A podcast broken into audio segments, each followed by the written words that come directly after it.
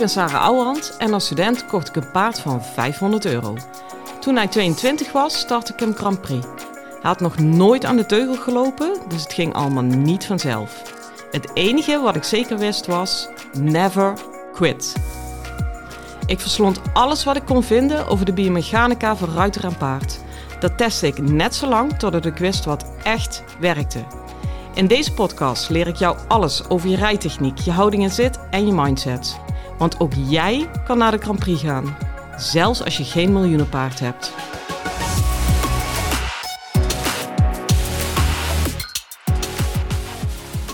Hey lieve paardenmensen. Nou, ik, ik denk misschien hoor je het inmiddels wel een beetje aan mijn geluid waar ik zit. Ik zit nou in de praktijk. Het klinkt misschien wel bijna hol. Het is heel stil, heel leeg. Ehm, ja, er is eigenlijk geen betere plaats om te vertoeven, s'avonds als je moe bent, dan hier te zitten. Het is voor mij ook echt altijd een gouden momentje om dan toch nog even een podcast op te nemen. So, here I am.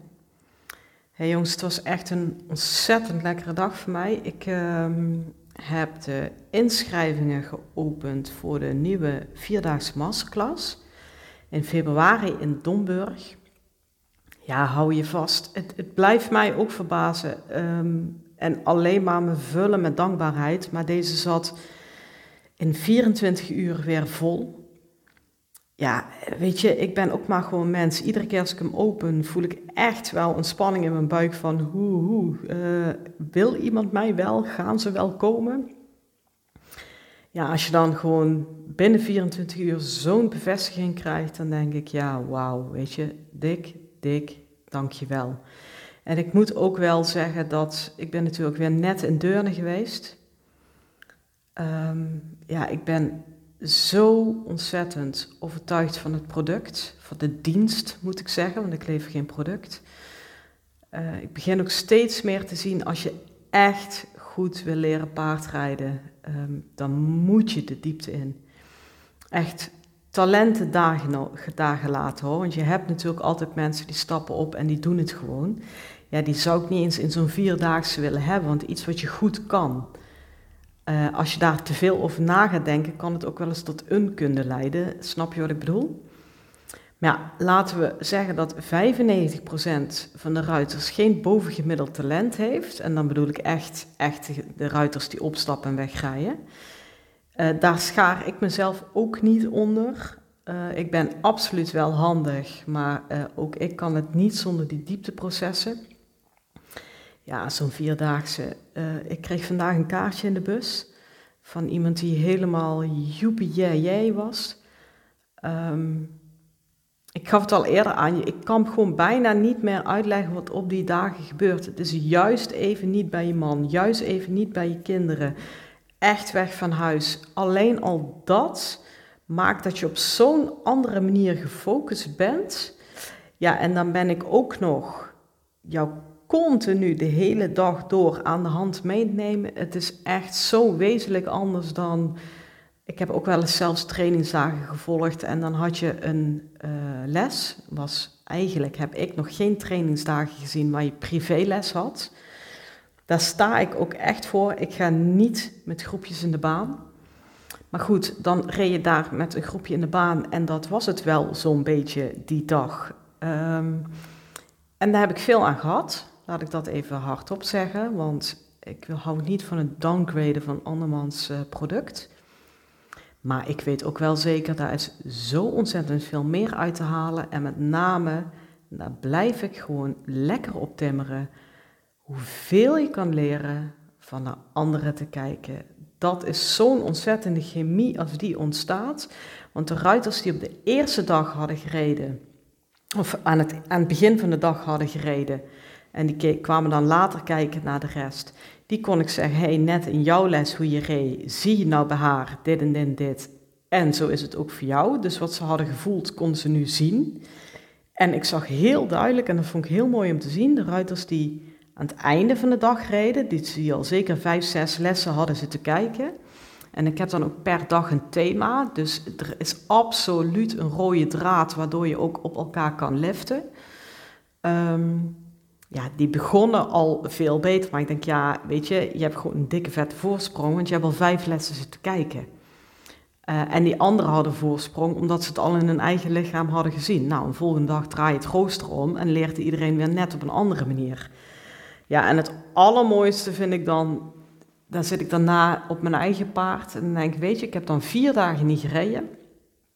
Bijna niet. Natuurlijk heb ik er heus wel een ritje tussendoor uh, tussen gepropt.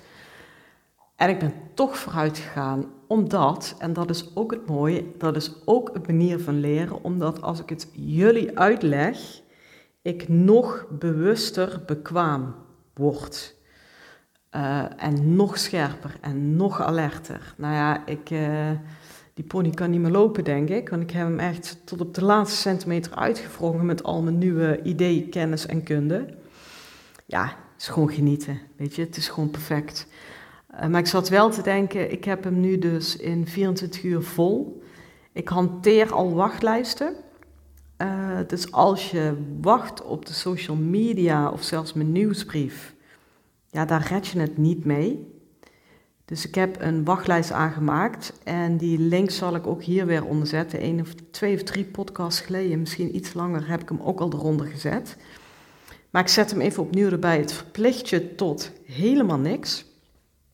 Uh, het enige voordeel wat je ervan hebt is dat je echt voor de troepen uit bericht krijgt als ik weer een vierdaagse open. Nou, wil je dat? Druk even op die link in de show notes, schrijf je in en uh, ben verder zo vrij als een vogel. Nou, ik zei het al, ik heb uh, vandaag in ieder geval mijn paard gereden. Nou, die moet even twee dagen rust hebben. En het is zelfs zo in het huidige sociale klimaat dat ik merk dat ik me nu gewoon bezwaard voel om dat soort dingen te zeggen. Terwijl ik denk, mag ik een Grand Prix paard even een keer hard laten trainen? En prinsje krijgt gewoon twee dagen rust en zijn magneetvelddeken en een aaitje en een zoentje en een kusje. Maar die spieren mogen ook af en toe wel gewoon kraken, hè jongens. Ik bedoel, uh, in de stretch treedt de verbetering op. Ik ben vandaag erg bezig geweest met de galop en ik moest ook denken aan die vraag die me een tijdje terug werd gesteld van, joh, hoe verbeter je de middengalop? Daar heb ik toen al een podcast over opgenomen, maar ik wist toen eigenlijk al dat er deel 2 kwam, omdat ik toen al wist dat ik iets achterhield. Dat doe ik echt zelden tot nooit. Als ik iets haat, zijn het marketingmiddelen, als ik deze podcast een keer zo mag noemen, waarin gewoon precies niks wordt gezegd. En als je meer wil weten, dan kan je spullen kopen. Dus ik doe altijd heel bewust alles geven. Alleen deze heb ik achtergehouden. Dat is nog een manier om de middengelop te verbeteren. Omdat ik dacht, ik weet dat het werkt. Dus ik durf het met droge ogen te verkondigen. Alleen ik weet niet waarom het werkt. Nou, als je me een beetje kennen inmiddels, dan weet je dat ik daar echt geen genoegen mee neem. Uh, het is namelijk als volgt. Ik weet, en dat is al heel lang geleden, dat het heel erg helpt om de galop kwalitatief te verbeteren als je in contragalop gaat schakelen. Contragalop überhaupt, en als je daarin gaat schakelen, al helemaal. Dat is namelijk, dat moet ik even vertellen, ik denk al vijf jaar geleden heeft een instructrice dat een keer met me gedaan. En ik voelde de galop verbeteren. Dus ik zeg, yo, wow, helemaal top, joepie joepie. Dus ik zei tegen haar, ja, fantastisch dat het werkt, maar waarom werkt dit? Ja, en zij haalde gewoon haar schouders op van ja, nou ja, is gewoon zo. Ja, werkt gewoon zo. Gewoon doen. Ja, dat trek ik dan zo slecht, hè. Ik bedoel, een tip, maar dan wil ik ook weten hoe het biomechanisch in elkaar zit.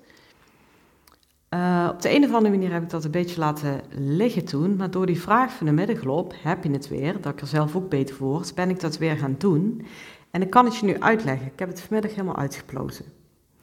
Kijk, ik stap even af van die contragalop. En ik ga eerst terug naar een andere manier om de middengalop te verbeteren. En dat is als je hem op een lange zijde zet. En sowieso als je lange zijde schrijdt, vind ik, als je echt aanspraak wil doen op het binnenachterbeen, dat je hem altijd een kwart hoefje schouder voor moet zetten. En een kwart hoefje, en daarmee bedoel ik wel voelbaar, niet zichtbaar.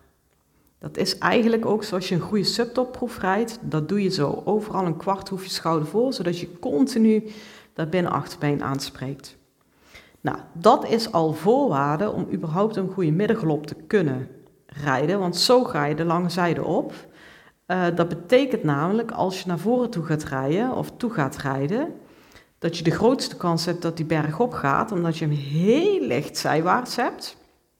Echt heel licht, nogmaals wel voelbaar, niet zijwaarts. Uh, uh, niet zichtbaar, sorry.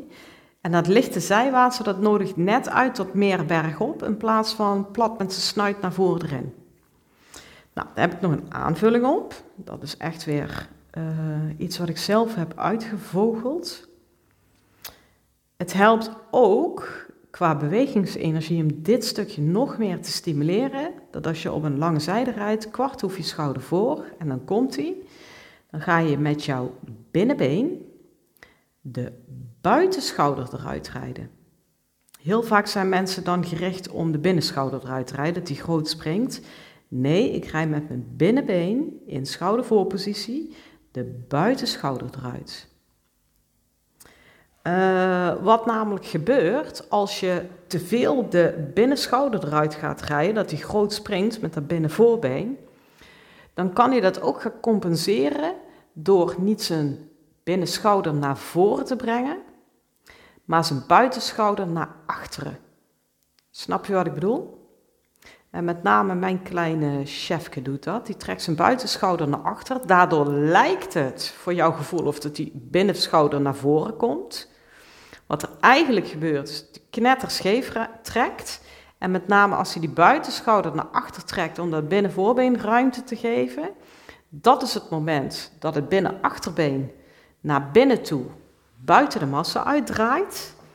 En dat is dus het moment dat jij je grote middengelop kwijtraakt. En dat is al helemaal het moment, dat op het moment als jij terugschakelt aan het einde van de lijn, dat die afbreekt. Of dat je hem niet terugkrijgt, want je bent binnenachterbeen kwijt. En daarom zeg ik, oké, die binnenschouder die volgt wel, je moet meer ruimte gaan maken in die buitenschouder. Want dan hou je hem ook goed in positie met het binnenachterbeen. Het gaat over die diagonaal waar ik op werk. Snap je? Dus, uh, en doe het maar eens op het moment dat jij diagonaal gaat denken van je binnenbeen naar de buitenschouder toe. Dan uh, moet je in het begin even kloten, dat ze even voelen wat je bedoelt. Maar als je hem daar doorheen tikt, kan die eigenlijk niks anders doen dan ruimer worden. Dus dat is ook, en daar moet je dan in schakelen. Hè. Je kunt hem niet in één keer eruit jagen, maar ik hoop dat we dat met z'n allen onderhand uh, uh, snappen. Um, waar was ik? Juist. Je moet even blijven bij de gedachte dat het dus functioneel is om een glop te vergroten om de buitenschouder eruit te rijden. En nou komt hij. Als jij contra in de rechter contragalop zit, dan op een volte linksom. Oké? Als je de galop dan wil, als je dan gaat schakelen in die contragalop, doe je dat automatisch al meer met je buitenbeen. Want je wil hem ook in de contragalop houden. En dus ben je eigenlijk in de contragalop met jouw buitenbeen een beetje die binnenschouder eruit rijden. Want je wil hem een beetje naar, naar buiten gebogen houden. Dan komt die binnenschouder al wat meer naar voren en dan ga je toerijden. Heb je hem nog? Dat is dus waarom het werkt om in de contragalop te schakelen omdat je dan eigenlijk meer ruimte aan creëren bent in wat normaal de buitenschouder is. Alleen in de contragalop is het de binnenschouder. Ik probeer het zo helder mogelijk te zeggen, stap voor stap, omdat ik van tevoren al zat te denken, oh, dat wordt links, rechts, buiten, binnen. Op een gegeven moment ben je helemaal de weg kwijt. Als je in de rechtergalop zit, rechtsom, op de lange zijde, klein beetje schouder voor rechts. En dan ga je vanuit je rechterbeen die linkerschouder naar voren toe eruit rijden. En zo verruim je de galop. Dus met je rechterbeen de linkerschouder eruit. Nou, als je dat vertaalt naar contragalop rechts, dus je zit in de rechtergalop en je rijdt linksom, als je dan naar voren schakelt, komt automatisch die binnenschouder naar, naar voren toe. En daarom is hij zo ideaal. Sowieso vraagt hij nog meer van de balans. Dus dat binnen-achterbeen, wat in de contragalop het buitenachterbeen is, heeft eigenlijk geen schijn van kans om buiten de massa te komen. Want als hij in de contragalop buiten de massa komt, ja, dan, dan ben je alles kwijt. Dan valt hij op elkaar, dan breekt hij af. Dat is ook waarom ze in de contragalop vaak afbreken. Snap je?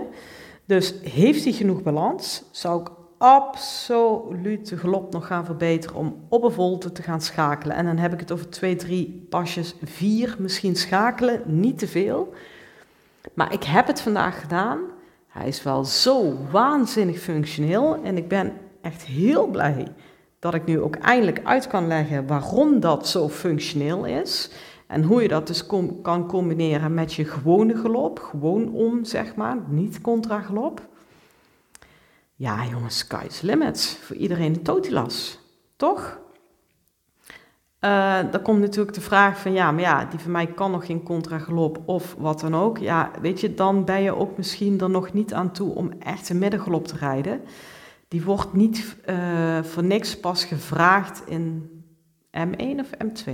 M1 zal het zijn. Ja, want dan komen de echte middengaloppen. Tot die tijd is het enkele passen verruimen op een volte, hè. Maar ook enkele passen verruimen op een volte in, in, in een gewone galop is ook gewoon, hou licht schouder voor. Snap je? Jongens, ik heb me uh, voor mijn gevoel eventjes de blaar op de tong gepraat, omdat ik dacht, dit moet ik echt even kristalklier uitleggen, want we hebben er met z'n allen zoveel aan. Uh, geloof mij nou, die van mij heeft jarenlang een viertaktachtig dralopje gehad. Ja, als die van mij nou voor een 7 in de Grand Prix kan verruimen, dan lukt die van jou dit ook. Okido? Hey, lieve mensen, ik uh, ga afronden. Ik uh, zie mijn kinderen vanuit de studio uh, voor de tv zitten met koekjes en thee. Die ga ik nog even heel lekker dik knuffelen. En ik wens jou een hele fijne dag en veel plezier met je paard. Hoi!